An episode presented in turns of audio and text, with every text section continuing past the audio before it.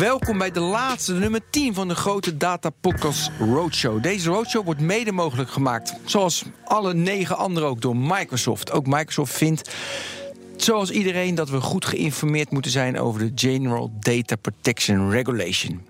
Na negen afleveringen in deze roadshow zijn vele GDPR-vragen beantwoord. Dat is natuurlijk mooi en fijn over handhaving in de technische kant en de juridische kant.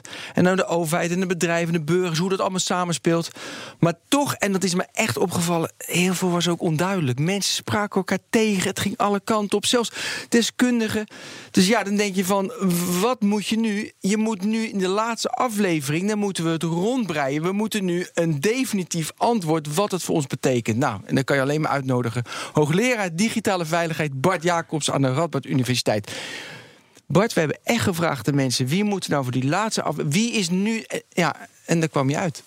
Dat is een eer, hè? Dat is een eer, ja. ja dat hangt een, beetje vanaf van wie u het gevraagd heeft, maar... Uh... Ja, hier redacteuren bij het FD en zo. dus dat is wel goed. Hey, um, Oké, fijn dat u er bent. Uh, u kent dus de GDPR natuurlijk als geen ander. Heeft u nu ook de indruk dat er vanaf mei echt iets gaat veranderen voor u? Nou, ik denk dat er echt iets, iets, iets gaat veranderen in, in, het kader. Ik denk wel dat veel organisaties nog echt, echt ook wat moeten doen. Echt die verandering ook nog door moeten gaan maken.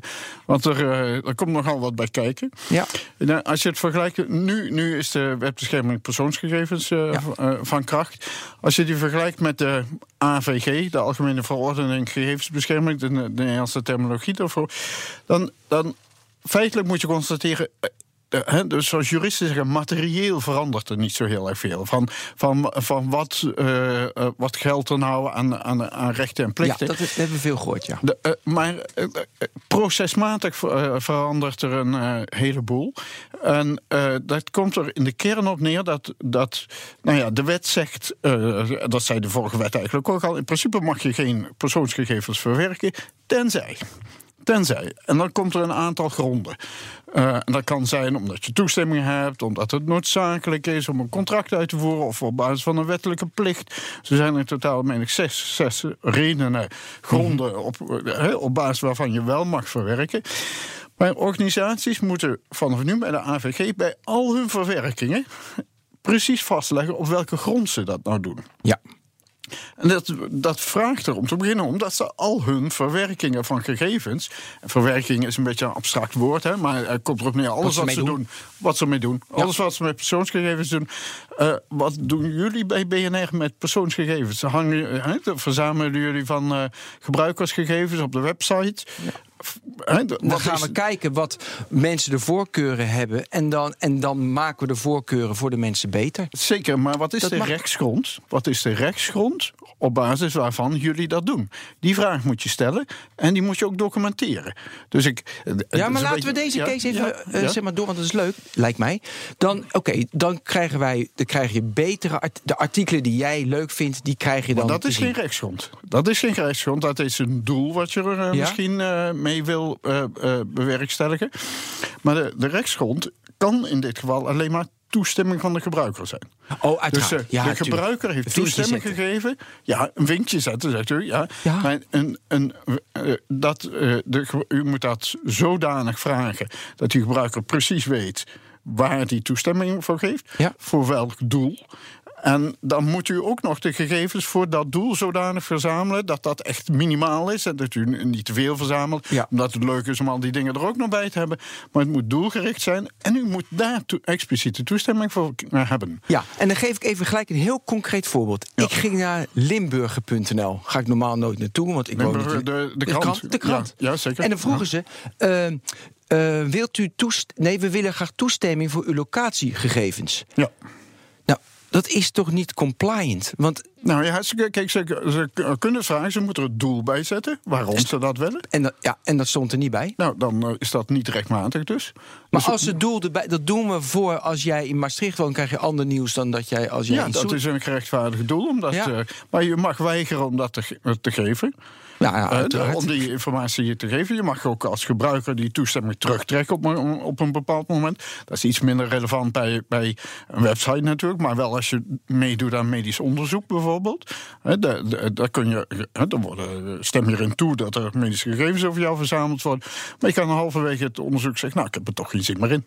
Ja. En ik trek mijn toestemming terug. Daar hoef je ook geen reden voor te geven. En op dat moment moeten ook alle tot dan toe verzamelde gegevens eh, verwijderd worden, vernietigd worden.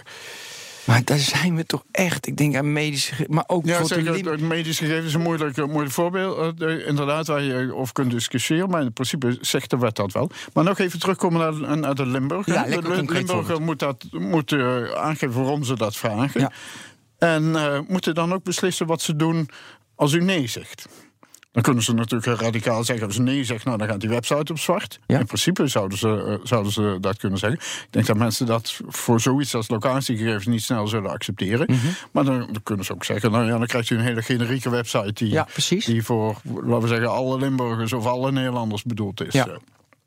Maar Maar daar moet dus toestemming voor Ja, gevraagd maar worden. dat doen ze al. Alleen ze geven nu de reden niet. En dat moet ze in de toekomst wel doen. Ja. Dus de Limburg kunnen Nee, we. En ik, Zeker, zeker. Dus ze moeten dat niet alleen op het web doen, maar ze moeten ook in hun documentatie vast, vastleggen. Wij, wij verwerken die gegevens, locatiegegevens, Ja. voor, eh, die, eh, met die, op die grond voor Ja. die doeleinden. In principe zou de, de, de autoriteit persoonsgegevens kunnen opvragen waarom, waarom verwerkt u dat en dan moet het getoond kunnen worden. Ja, maar ik heb nog een voorbeeld, want ik heb heel veel voorbeelden die ik tegen ben gekomen. Je bent een mediapartij en als u naar een website gaat of naar een app, dan eh, komt daar, weet je, zeg maar real-time bidding. Dan gaan, wordt er geboden op, om, jou, om u een advertentie te serveren. Ja. Maar goed, die komen van allerlei partijen. Ik heb Ghostry. Dat is een plugin Ja, ja, ja. In, mijn, eh, ja, dus in mijn browser. Zie ik al die trackers. Ja. Waar ze vandaan komen, ja, dat moet dan een, een mediapartij, ik noem de Telegraaf.nl, moet dan al die mediapartijen, die moeten allemaal compliant zijn. Ze weten niet welke advertentie op dat moment wordt geserveerd. In welke zin? Nou, met, zeg maar GDPR, dat ze weten waar die vandaan komt. En Die, dan moeten ze de, want die plaatsen een cookie op die website van de Telegraaf. Dat gaat. Hoe gaan we dat oplossen? Ja, Nou ja, de Telegraaf zal dat proces beter onder controle eh, moet- moeten Ja, hebben. Ehm, je zou even goed naar moeten kijken, maar de- de- de- eh, hiervan ken ik de details dan niet. Of die, of die partijen die die advertenties leveren Ja. ook, ook echt gegevens verwerken voor de Telegraaf, of dat ze alleen maar aanleveren. Dus even de vraag: wie kiest op welk, welk moment? Ja. Die, die, eh, dat, dat- selectieproces van die advertenties, die, dat dynamisch invullen van die advertentie, vindt in een aantal slagen plaats. En je zou juridisch moeten vaststellen wie is op welk moment verwerker. Ja. En ehm, als de Telegraaf die informatie doorgeeft van de bezoekers aan, eh, van de website, aan die andere partijen, Ja. dan is de Telegraaf verantwoordelijke voor die verwerking. En, en de andere zijn- partijen zijn uitvoerders, maar de Telegraaf is daar in principe voor verantwoordelijk. En dit is heel formeel geredeneerd, maar het is toch wel goed om hier enigszins vat op te krijgen op dat proces. Ook, ook eh, omdat in het verleden natuurlijk wel eens ge- eh, gebleken is dat er tussen die externe partijen ook nog wel eens rotte appels zitten. Precies. Die ook nog wel eens hè, kwaadaardige software aanleveren in plaats van Ja, een advertentie voor, Ja, ja, voor een voor een gasmaaier of weet, Ja. ik, eh, weet ik wat. Dus er zijn allerlei redenen om dit proces toch wel iets meer onder controle te krijgen... En hier niet het Wilde Westen te laten voortbestaan. Maar in het tussenzin hoorde ik net van het waar ligt de verantwoordelijkheid? En ik Ja. heb ook juristen gesproken die zeiden van eigenlijk is GDPR een beetje afschuiven van verantwoordelijkheden. Is, en daar had ik van, ja, oké, gaan ze dat doen? Want bijvoorbeeld, ik ben een, eh, een leverancier van software aan een andere partij. En dan wil die andere partij, weet je, wie beheert die data? En liefst heb je, heb je natuurlijk dat die een andere partij Zeker, daar zeker. verantwoordelijkheid voor neemt. Zeker, Dus dat is het afschuiven van die verantwoordelijkheden. Eh, herkent u dat ook? Of, of is het... Ja, maar ik, ik weet niet of je, het, of je het nou zo moet disqualificeren, negatief moet omschrijven als, Oh. als afschuiven van verantwoordelijkheid. Je kunt het ook gewoon neutraal formuleren als je moet preciezer af, vastleggen van wie waar verantwoordelijk voor, eh, voor is. En uh, ik denk ook dat een, een deel van de problemen van de afgelopen jaren, waarbij we wekelijks of soms wel dagelijks horen dat grote verzameling klantgegevens op straat zijn komen te liggen, Ja. dat dat ermee te maken heeft dat niet duidelijk is wie nou verantwoordelijk is precies voor, Ja. voor dit soort eh, hoeveelheden en eh, de gegevens. En, de, en de- dat moet duidelijker vastgelegd worden, zodat ook duidelijker partijen aangesproken eh, kunnen worden van ja, je moet dit en dit doen. Ja, maar precies. En dat wordt nu duidelijker omdat ze dat moeten doen. Een ander voorbeeld. Heerlijk die voorbeelden. Je, ehm, een partij geeft een nieuwsbrief uit van vier jaar geleden. Inmiddels eh, bij een bepaald onderdeel dat je, dat je caravans hebt. En eh, ineens denk je van ik ga een nieuwsbrief maken over de leukste campings. V- En vier jaar later denk je, ik doe het niet meer.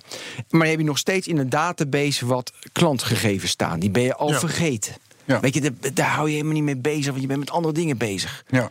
Dit is dus een serieus probleem. Ja, dat is een risico. Dat is een risico. En dat is ook waar de, de wet eh, voor gaat zo. Kijk, ik vind de, vind de volgende vergelijking op zich wel, wel nuttig. Ja. In, in iedere professionele organisatie, bedrijf of overheid of wat dan ook, zijn de werknemers er- die daar werken eigenlijk gewoon wel gewend dat ze niet zomaar geld van die organisatie mogen uitgeven. Ja. Hè, want, want als je geld van die organisatie wil, dan moet je een budget hebben, een begroting en een toestemming en een akkoord, en weet ik wat. En achteraf controle tot drie jaar daarna, weet ik veel Ja, dat is een allemaal. slechte organisatie, Ja, zelfverantwoordelijkheid, maar goed. Nee, nee, eh, maar, eh, Maar je u, begrijpt mijn punt. Hè, Ja, van, je denkt na. Je, je hebt als individu niet het idee, ik kan zomaar geld uit gaan geven. Nou, die AVG moet er eigenlijk voor gaan zorgen dat je op net zo'n manier met persoonsgegevens omgaat. Dat Wat je als individu Topvergelijking. als je, dat je als individu niet zomaar denkt: oh, ik ga dit verzamelen, ik ga dat verzamelen, ik ga dat bij elkaar gooien. Nee, er moet in plaats van een financiële afdeling, misschien ook wel een afdeling, persoonsgegevens komen in iedere organisatie. Waar je, dat lijkt op bureaucratisering, ik weet Ja. het wel, maar dan moet je langs met een formuliertje, dan moet je toestemming krijgen, er moet Ja. een verantwoordelijke zijn die. En dat wordt gecontroleerd. Ja, maar bedrijven die dat goed voor elkaar hebben, dan heb je je persoonlijk budget of je, of je leeft het later in. Je hebt een dashboard waarbij je precies. Zeker. Maar En- dat moet er allemaal komen. En dat precies, maar moet er is allemaal met komen. Want dan begrijp ik niet, is dat waarom heeft bijvoorbeeld de overheid, weer een andere, niet achter mijn DigiD weet ik precies welke data de overheid over mij heeft. U be- U doet op mijnoverheid.nl. Ja, mijn.overheid.nl. Ja, ja. Daar staat niet wat de overheid. Ik heb geen idee wat de overheid over mij heeft. Eh, Dus, en, we, eh, en we spreken met Aleid Wolfsen, die zegt: Nou, de overheid heeft nog. Die moeten nog wel wat slagen maken. Dus, eh A. Nou, eerst één vraag stellen. Waarom heeft de overheid het niet? Is dat te lastig? Nou, even- ze even- niet? ik ben- even uw dra- de draad van uw betoog kwijt. Van, eh, eh, eh, heeft de overheid wat niet? Nee, wat Eh, ik heel graag zou willen, als ik naar mijn.overheid.nl gaat, Ja. ja, dan zou ik heel graag willen welke wat de overheid over mij verzameld Maar, heeft. het- maar die website bestaat, hè? Ja, weet- daar- maar, daarom, ja, ja, maar daarom kom ik met die website. Ja. Want ze hebben al die website. Zeker. Ik moet inloggen met mijn DigiD. Zeker. Maar, Maar daar staat al een eh, redelijk wat. Ja, maar niet eh, hoeveel bekeuringen ik ooit heb gehad. eh, of, ik, of ze me. Nou, dat de IVD mij niet volgt, is logisch. Maar weet je, dat, dat, is- dat is best wel. be- of staat er alles op wat ze weten? Nee, er staat niet alles op wat ze weten, maar er staat redelijk veel op. Heeft u wel eens Ja, ja. doorgeklikt? Ja, heel doorgeklikt. Je kunt vaak. Er, je kunt er eh, eh, vinden wie je vader en je moeder zijn. En ik weet niet. Hè, Oh, dan moet ik verder door. Want dat heb zeker. ik niet. Echt nee, waar? ja, echt waar. Je kunt er redelijk, redelijk eh, wat, wat vinden. Je kunt er vinden wat voor auto je hebt. wat- Nee. Ja, ja, ja, zeker welke auto's op jouw naam staan. moet ik beter zoeken, ja. Nee, echt wel, er, er staat redelijk wat op. Ik, ik, eh, de laatste keer dat ik gekeken heb, is een paar jaar geleden. Dus ik, Nou, ik gisteren nog, maar ik heb dus niet doorgeklikt. maar ik, ik heb er een keer een paar jaar geleden wel door zitten klikken. En, en eh, toen gedacht, oh, oh ja, ik vond, het- vond het echt wel informatief. Er staat ook bijvoorbeeld, wat ik me meen te herinneren... hoe lang je rijbewijs nog geldig Nou, ik is, hoe lang je in. paspoort nog geldig Ik is. zit er nu persoonlijk gegevens. Mijn toeslagen. snel, ja? Ja, nee, want ja, ik dacht, Ja? nu ga ik het doen ook. Mijn, eh, mijn pensioenoverzicht. Ik ga niet met u meekijken. hè? Nee, nee, nee, nee, want het is allemaal. de- Oké, donorregistraties, dat is misschien wel aardig. Ja, staat hierbij? Ja, dan moet ik opnieuw, moet ik opnieuw weer inloggen. Nee, nee, nee, nee, nee, nee. nee. Nou, dat- dat zou, ik, dat- zou, zou ik een goede zaak vinden als dat erbij staat. Dat is weer een aparte website eh, voor waar je apart weer moet inloggen. Maar ehm, Nee, ik moet nu toegeven, daar staat echt veel. Jeetje joh, wanneer je huis gekocht hebt, wat die ja, kosten. ja, ja, ja, ja, kijk, ik, ik schrik ineens. Maar, nee, ja, dus, eh, dus dat is dus voorlichting, hè? Want ik was dus echt, ik dacht dat, maar dat vind ik best wel. Ik ben trots op de overheid. Dus, en de overheid gaat daar dus ook uh, zorgvuldig mee om. Allemaal, ja, mooi. Wat ik wel een interessante vond, uh, is bijvoorbeeld, dat vertelde Aleid Wolfs ook, toen kreeg ik helemaal rillingen. Maar voor mij is het gewoon een fout van een arts, dat een arts per ongeluk de gegevens van een patiënt doorgestuurd had naar een verzekeringsmaatschappij. Ja, de, wat, de, dat kunnen we toch nooit voorkomen? Artsen sturen voortdurend gegevens door naar een verzekeringsmaatschappij. Nee, maar, wat niet, u ja, wat, inhoudelijk medische gegevens. Juist. Ja, ja. Zij moeten doorgeven van wat voor type wat behandeling... Gedaan. Nee, wat krijgen ze vergoed. Ja, zeker, dat snap zeker, ik. Maar, zeker. maar, nee, dus de, ja. ja. over de, ja, de ziekte. Dat, dat gaan we niet. toch nooit voorkomen? Nee, dat, nou kijk, fouten kun je nooit voorkomen. Net zo goed, maar ik vind het, vind het toch wel aardig om even terug te komen op die financiële uh, vergelijking nog weer. In die financiële wereld kun je fouten ook niet voorkomen. Nou is het zo dat ze, de fouten op dat gebied zijn nog wel te herstellen.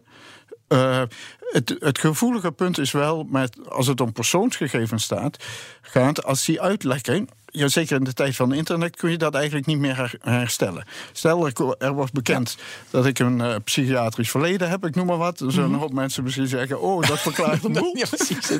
maar, Logisch. Maar, maar, die informatie krijg je niet meer weg. Zeker onder mijn studenten zal zich ja. dat wel uh, verspreiden. Zoiets. Maar u begrijpt mijn punt, denk ik wel. Ja, ja, ja.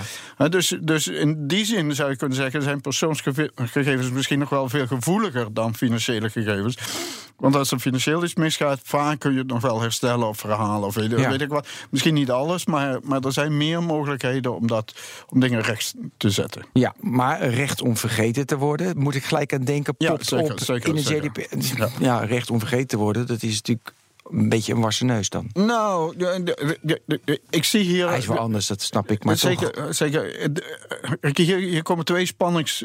of de, twee rechten botsen eigenlijk uh, op elkaar. En dat maakt het ook, ook wel weer interessant. Ik begrijp enerzijds heel goed als er over u vervelende dingen online staan... die gewoon niet kloppen. Ja. Of duidelijk ver, verjaard zijn. Dat, er, dat het redelijk is dat u tegen partijen kunt zeggen... verwijder dat nou eens. Ja. Ja. Dat recht kan natuurlijk ook misbruikt worden. Stel een politicus die veroordeeld is, die terecht voor, hè, veroordeeld is ja. op goede gronden en zo, en die zegt na tien jaar: Ik wil uh, een nieuw uh, politiek leven beginnen en ik wil dat die informatie van internet ver, uh, verwijderd wordt. Is dat terecht? He, dat, dat botst toch enigszins met het recht op openheid. He, waar, waarvan wij zouden willen zeggen: ja, we willen eigenlijk wel weten van mensen die de politiek ingaan, die mm -hmm. politieke macht uh, uh, krijgen, dat we daar iets meer openheid tegenover hebben dan gewone burgers. Die misschien een keer een, een, een verzekeringsfraude met een ja. caravan gepleegd hebben, of, of weet ja. ik wat allemaal. Ja. Ja. Ik wil het ook over de grote techreuzen hebben. Ja. Want in aflevering 2 volgens mij, of 1, weet ik veel. Er, was, er zei iemand van, nou joh, die zijn echte pineuten. Want die, en aflevering 4 zei iemand van, nee hoor, gewoon vinkjes. Want het is allemaal wat zoen is prima. En in aflevering 6 zeiden ze, die zijn echte pineut. Ja, ik weet het niet meer. Zijn ze nu de Weet je, want Google, Facebook, advertentiemodel is het model. Wat, wat is uw mening? Ik, nou, ik, ik, kan hier een anekdote over vertellen. Ik was uh, in de, begin december was ik in, uh, in, Amerika voor mijn werk. En uh, toen heb ik ook bij, bij Google in, in San Francisco een praatje gegeven. Een, een lezing. Een, een, oud promovendus van mij is daar gaan werken. En heb nog wel contact mee. En, in die groep uh, een presentatie gehouden. Daarna uh, was er een, uh, een, een borrel in de kroeg daar tegenover. Heel duur bier, maar het was gelukkig hoe duur, hoe duur? Wat, wat kost een bier? ik, ik, ik, heb het niet gezien, oh, maar Google heeft de rekening betaald. Ja, ja, ja. Maar je kunt je voorstellen, hartje San Francisco daar naar de kroeg. Ja, dat, precies. Met allemaal Googlers dat en Facebook. Ik was, blij, ik was blij dat zij dat betaalde. Maar ik raakte daar aan het praten met een senior manager. Hè, en na een paar biertjes ging het gesprek iets En die vertelde dat binnen, binnen Google honderden mensen bezig zijn met de GDPR. Ja, om, om daaraan te, te voldoen. En hij had het zelfs over, ja, het is misschien helemaal gepast om te vertellen, ja. maar nee, deze ja, podcast, podcast toch weinig naar. Maar hij had het over die fucking GDPR. Ja, sure. The fucking GDPR. You in Europe. Ja, Amerikanen vinden natuurlijk, ja, Europeaanse. En, en, maar zij gaan voldoen. Zij gaan daaraan voldoen. En het is, het is uh, waardig, dus het heeft een grote impact op hen. En wat daar misschien wel aardig is om even bij uh, te vertellen. Wij denken vaak in, in Nederland, oh, wat wij willen heeft totaal geen invloed of zo. Maar in deze context wordt wel eens gesproken over het Brussels-effect. Is dat al eens aan de orde gekomen in deze podcast? Nee. Dat is wel leuk, is wel leuk om even te noemen.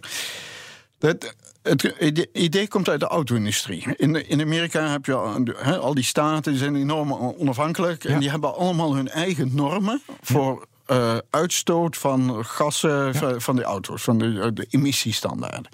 De strengste normen zijn er in Californië. Is een beetje groene staat natuurlijk. Wat doen die autofabrikanten in de VS en ook wereldwijd? Die produceren volgens de norm van Californië. Ja. Want dan weten ze dat ze overal kunnen, uh, kunnen verkopen. Ja. Nou, het Brussels effect is vergelijkbaar. Dus de hele wereld richt zich naar de privacy-standaarden die Brussels oplegt, want die zijn het strengst. En als je wereldwijd wil opereren, moet je aan de regels van Brussel voldoen. Dus daarmee hebben wij een enorme impact. Wij Europeanen en wij Nederlanders, die, die natuurlijk ook. Dat is grappig. Uh, ook impact hebben op, op die uh, Brusselse regels. Dus wij, wij moeten niet zo Calimero-achtig doen tegenover die tech-giganten. Ik, ik, wil ze zeker niet onderschatten, want ze hebben een enorme macht. Maar uh, regulering vanuit Brussel nemen ze heel serieus. Ja. Ze moeten eraan voldoen. De Europese markt is zo groot dat ze daar gewoon wel aan moeten voldoen. Ja. En uh, uh, dat is echt van belang. Ik noem het woord grap omdat ik. Ik had juist het idee dat Europa wel eens achter zou kunnen gaan lopen. Omdat ze privacy heel erg serieus nemen in Brussel. En in Azië, China, het maakt ze niet uit. In Amerika is het veel vrijer. Het businessmodel van de 21ste eeuw is heel erg dat je zelf het Ja, product dit- bent? Of is dit echt onzin? Dit, nou ja, dit is framing. Oh, nee, Dit maar dat is een idee. Hè? Ja, Dus kijk, het- is een idee wat natuurlijk. Kijk, die hele tech-industrie, met name, zeg- maar even Silicon eh, Valley, hè, ja. de Big Five eh, en, zo, en. Die, die eh, verzetten zich altijd systematisch via heel veel lobbywerk ook tegen regulering van hun, hun, hun sector. Regulering vanuit de overheid, normen stellen, regels stellen en zo, en zo, en zo. En hun verhaal daarbij is altijd vrije, eh, vrije markt, innovatie, dat leidt tot betere producten. En innovatie is daarbij een woord waarmee wat als heilig gezien wordt. En als je maar innovatie roept, dat is gewoon het einde van iedere discussie, denken ze, Ja. denken ze dat. Ik vind eigenlijk, mm, nou, ik ben het daar niet, niet mee eens. Ik vind dat een heel eenzijdig beeld. Het is duidelijk framing. Je kunt er ook een ander beeld te- tegen, tegenover stellen. En in die zin is het goed. Maak je even een heel klein uitstapje, ik kom er zo op terug. Aan- vanuit vanuit eh, naar de milieusector. We hebben hier in Nederland en eh, in Europa in de jaren 70 en 80 allemaal grote gifschandalen gehad. Lekker kijken. Weet Mhm. Ja, ja. allemaal, hè, toen kwam dat naar boven. Toen begon de overheid te reguleren. En die industrie heeft moord en brand geschreeuwd, die chemische industrie. Jullie maken ons kapot en eh, weet ik wat allemaal. En, en, en vrij ondernemerschap, en we hebben die ruimte nog, weet ik wat. De hele rimram is, is vergelijkbaar voorbij gekomen. Nu eh, profileren wij ons ermee als Nederland. Als land dat schone technologie exporteert. En dat we, dat we juist daarin in- innoveren. En vaak zie je dat innovatie eruit voortkomt dat, je, dat er eh, enerzijds strenge regels gesteld worden. En, en dat technologie probeert aan die regels eh, te voldoen. Dus het is een hele andere, zoals de Amerikanen zeggen, negative. Ja. Een hele andere eh, de, de, de- de manier waarop je hetzelfde kunt, kunt, eh, kunt eh, eh, ja, eh, voorstellen. voorstellen ja. Dus nou moet ik even terugkomen naar mijn uitstapje. Waar, waar, ging ik Ja, dat, gewoon geen idee meer. Ja, Eh, ja, Google.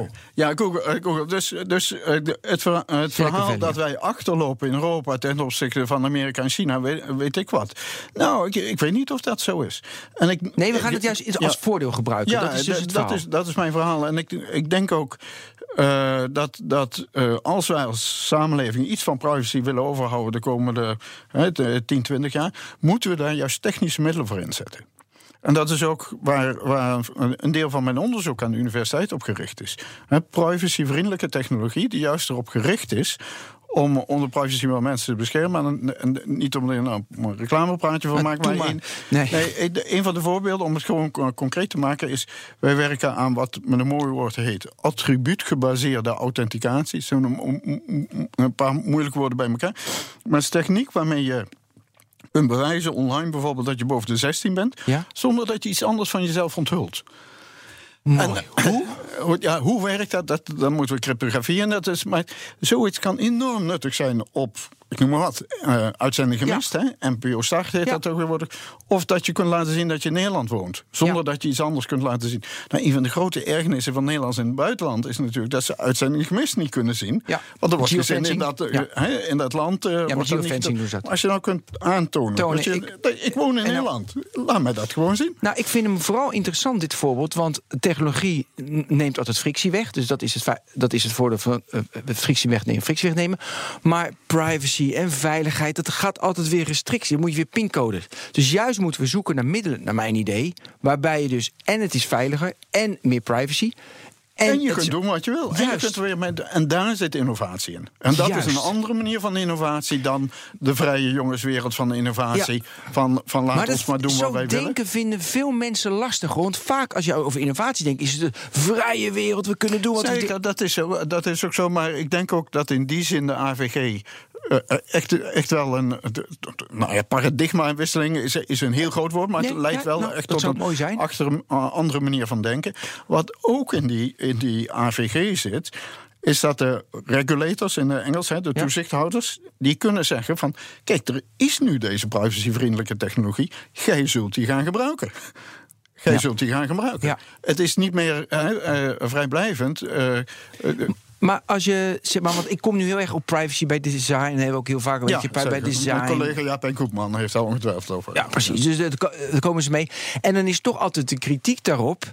En ik, ik stel er een beetje dubbel in, want dit vind ik namelijk een goed verhaal. Maar het is heel moeilijk voor heel veel mensen. Van ja, dat kan je niet innoveren. Hoe kan je nou bedenken van tevoren hoe iets over drie jaar is? En daar zit wel iets in. Als je bij het design van iemand bij het startproces al moet denken over veiligheid, maar je weet niet waar iets uitkomt. Vaak pivot je drie, vier keer en dan kom je ergens uit. Oh, maar daar heb ik geen rekening mee gehouden in, uh, in het begin. En ja, dat is inderdaad zo. Maar zo zit de hele wereld in elkaar met allerlei dingen. Onze voorspellende gaven als mensen zijn beperkt. Ja. Maar dat is geen reden om dan te, te zeggen... wij gooien alle wetten maar overboord. Want eh, bij, bij wetten kun je ook zeggen... ja, het kan best zijn dat over drie jaar we erachter komen... dat deze wet niet zo handig is. Ja. ja, dan moeten we dat misschien dan op dat moment... toch enigszins aanpakken, aanpassen... of er op een andere manier mee omgaan. Ja. Dus ik vind dit ook wel een klein beetje een vrije jongensverhaal. Dus, nee, een te simpel vrije jongensverhaal. Ik vind ja. weet, je, switch vind ik wel mooi. Uh, ik wil nog even naar uh, Aleid Wolfsen. Dus uh, autoriteit persoonsgegevens. Die, uh, als u nu in Aleid's schoenen zou staan, waar zou, waar zou het eerst op richten? MKB, de grote techbedrijven, de overheid. Waar ziet u de meeste. Ja, wat, de, wat, wat uh, de, de, de, autoriteit meestal doet, is. Uh, ze richten op een aantal in het oog springende gevallen. Om, om, wel, ze hebben beperkte capaciteit. Maar ze gaan ja, ze wat ik, dus naar meer mensen. Wat ik, ik vind het heel erg moeilijk. Ik ga er even omheen draaien. Sinds, sinds uh, eh, 2016 is in Nederland een meldplicht datalekken van, van, van kracht. Um, dus als je als organisatie een datalek hebt, en het is serieus, moet dat aan de AP gemeld uh, uh, worden. Dat is een beetje, nou, dat is een heel, proces. Maar die AP heeft natuurlijk een heel bestand inmiddels opgebouwd van waar zitten de issues. Ik ken een organisatie, ik zal ze niet noemen, die hebben de afgelopen jaren de grote een tiental lekken uh, gehad. Uh, en moet u denken aan een verloren USB-stick met uh, persoonsgegevens erop, of een, USB, of, of, een laptop die in de trein is blijven liggen. En bij die organisatie is in één keer een bericht binnengekomen van de autoriteit persoonsgegevens. Gaan jullie je laptops maar eens even versleutelen, systematisch. Succes. Succes. Nou ja, dat, dat kan allemaal, maar, maar, moet je je werkwijze eventjes aanpassen. Maar het interessante vond ik, kennelijk doet de AP wel iets met die en, en als zij de opdracht hebben gegeven van, uh, of de hint, de suggestie uh, van gaan jullie laptops maar eens versleutelen. En je moet in de jaren daarna nog tien keer melden verloren onversleutelde laptop. Ja, ja dan vraag je om boetes natuurlijk. Hè. Dus ik denk dat als die AP, die AP een beetje stil, slim is, en dat zijn ze heus wel, dat ze eens goed kijken naar die meldingen die ze binnen hebben gekregen en op basis daarvan gaan opereren. Ja. Wat ik daarnaast hoop is dat ze ook de, de, de, de, grotere maatschappelijke discussies aan willen gaan. En, en uh, dus niet alleen formeel uh, opereren, maar ook het maatschappelijke debat aangaan. En dus een van de dingen die mij zelf ook wel aan het, aan het hart ligt, is van hoe gaan wij met gegevens om in onze, onze samenleving? En wat is de, laten we zeggen, de publieke zaak in de digitale wereld? Wat, Wat ik daarmee ja? bedoel is bijvoorbeeld, je ziet, als ik nou even over de gezondheidszorg eh, heb. Alle grote techbedrijven eh, eh, zijn ze gaan storten op de zorg. Ja. Dat doet de Nederlands Philips ook heel groot. Maar we hebben vorige week Google, gewoon buiten de Amazon het gaat doen. Amazon. Apple doet het, Google Allemaal. enzovoort. Nou, dat doen ze om, om verschillende redenen. Marges zijn daar relatief hoog. En ik zeg ook wel cynisch, zieke mensen zeuren niet over privacy. Maar maar de- zij doen dat om strategische redenen. Ze doen het vooral om die gegevens te krijgen. En ik voorzie, voorzie, een beetje somber, maar dat over tien jaar, als u naar het ziekenhuis gaat, het ziekenhuis uw gegevens bij Google moet gaan kopen. En dan zijn we toch wel in de situatie Nee, dat terechtgekomen. kan niet, dat ik- kan niet. Nee, maar dat ik gaat. beheers toch mijn data? Nee, ja, dat dacht nee, nee, maar Ja, oh, oh, nee, ja. dat, zo zou het moeten. Ja, dat zo ik zou, het inderdaad, zo zou het inderdaad moeten. Maar je ziet dat die bedrijven dit aan het verzamelen zijn en het beschouwen als hun gegevens. Dus die zijn strategische posities aan het opbouwen. En ik vermoed dat we over een aantal jaar tegen elkaar zeggen: Where did we go wrong? Ja. Je ziet iets vergelijkbaars, als ik even door mag gaan, rond, rond het fenomeen smart city. Ja, maar mag ik eerst even Ja, dit ja, onderwerp... ja, is nee, maar dus Google is compliant, want dat heeft u net gezegd. Nou ja, dat, nog niet, hè? Ja, Al maar die- ze de- zeggen al dat ze dat gaan worden. moeten nog aan Maar die fucking GDPR werken. Nee, maar ik wil de controle over mijn data. Als het moet gedelete worden of ik moet het hebben en ze, ik moet. de- Dat, dat kan dit toch nooit dat, dat mijn ziekenhuis het moet kopen van Google straks? Ja, maar of dan, moet er dan, een nieuwe GDPR-wet ja, dan- komen? Of dan moet er een proces zijn dat het ziekenhuis tegen u zegt... gaat u uw gegevens maar even bij Google opeisen... en dan kunnen wij ze daarna inzien. Maar het ziekenhuis heeft ze waarschijnlijk zelf niet meer. Nee, maar ik moet ze toch altijd hebben? Ja, maar dan moet u dus, naar, voordat u naar het ziekenhuis gaat... eerst bij Google inloggen, uw gegevens downloaden... dan kunt u daarmee naar het ziekenhuis.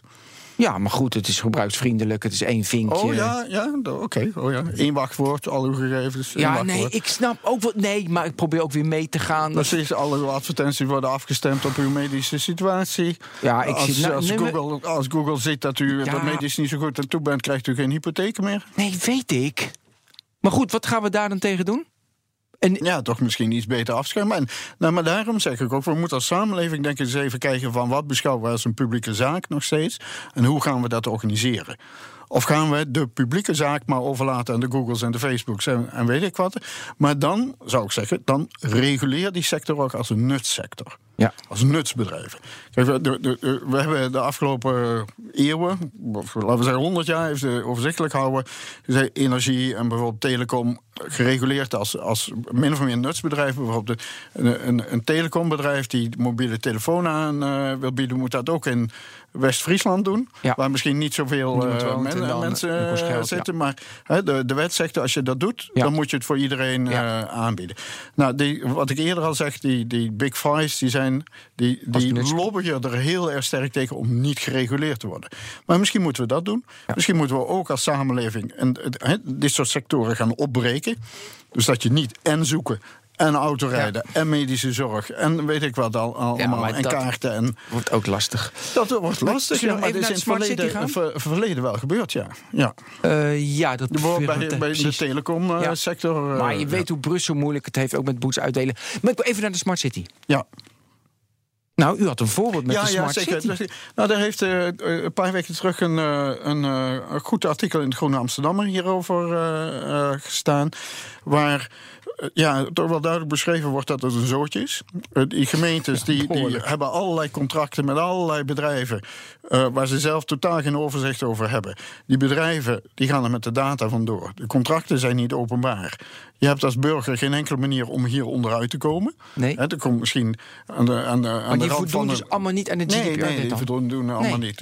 En misschien komen we straks aan de, aan de rand van steden bordjes te hangen. Als u deze stad ingaat, wordt uw wifi getrekt, wordt uw Ja. gsm getrekt, wordt uw, worden foto's overal van genomen. Ja, wat moet je dan zeggen? Ik ga die stad niet meer in? Nee. Huh? Mijn conclusie is wel, na deze aflevering, we zijn er nog niet klaar mee met z'n allen. Nee, we zijn er zeker nog niet Nee. klaar mee. Maar, maar kijk, dat heb je altijd bij. Dit is echt wel een baanbrekende wet. En, Ja. en eh, het zal ook nog wel even duren voordat eh, eh, Alle eh, koers- eh, daaraan gewend zijn. Ja. Oké, ehm, tot slot. Over welke fundamentele vraag waar we, waar we mee te maken hebben met data, moeten we nu al over nadenken. Dat is die vraag dus met Google, de, waar, waar dus de data is en dat nutsbedrijf. Dat is denk ik de fundamentele Zeker, wat je ja, privatiseert ja, en niet. Dat Wat- zijn de wat- fundamentele Ja, vragen. dat zijn de eh, fundamentele vragen. En dan met name ook bijvoorbeeld over gegevens in de publieke ruimte. Ja. Nou, bedrijven die nu aan die smart city dingen meedoen, die, die hebben slimme lantaarnpalen, slimme reclamezuilen en weet ik wat. Die halen allerlei informatie op in de publieke ruimte. Je zou misschien als land, als Europa moeten zeggen, als jij als bedrijf in de publieke ruimte gegevens ophaalt, Ja. dan moet je dat anonimiseren en je moet belasting betalen. Je moet belasting over die gegevens gaan eh, betalen. En net zo goed als jij eh, gas of olie uit de grond wil halen. Ja, ik heb het nog nooit misschien- gehoord. Geweldig dit. Maar, eh, snap je, hè? Van, Ja, leuk. van, je haalt in Ja, de publieke ruimte iets op. Ja. En op zo'n manier is het toch. iets- Datatax is het. Een datatax, inderdaad. Nou, dit zijn al, ik, ik wil niet zeggen dat dit Nee, oplossing nee, nee, is. maar Maar, qua- dit zijn wel nieuwe denkrichtingen die je misschien moet, moeten we moet veel gaan- mee doen. Maar u voelt, zich, u voelt al aankomen wat alle vrije jongens in deze sector zeker roepen. Dit hindert innovatie en weet ik Nee, u heeft juist uitgelegd, het stimuleert Ja. innovatie. Dat denk ik wel, ja. Ik vond heel erg interessant. Dank u wel. Fijn om te horen. Ja. Eh, we hebben geluisterd naar hoogleraar digitale veiligheid Bart Jacobs aan de Radboud Universiteit. Nou, mensen, dit was. Luister alle tiende afleveringen van de grote data podcast Roadshow terug. Als je een bedrijf bent, je weet niet precies wat je te wachten staat, bijvoorbeeld. Je moet terugluisteren, ook als je burger bent en niet precies weet hoe je dat nu zit met je privacy en de nieuwe regelgeving. Of als je gewoon wilt weten wat je rechten zijn. Hoe dan ook, zorg goed voor jezelf en je data. Tot ziens. Dank u wel.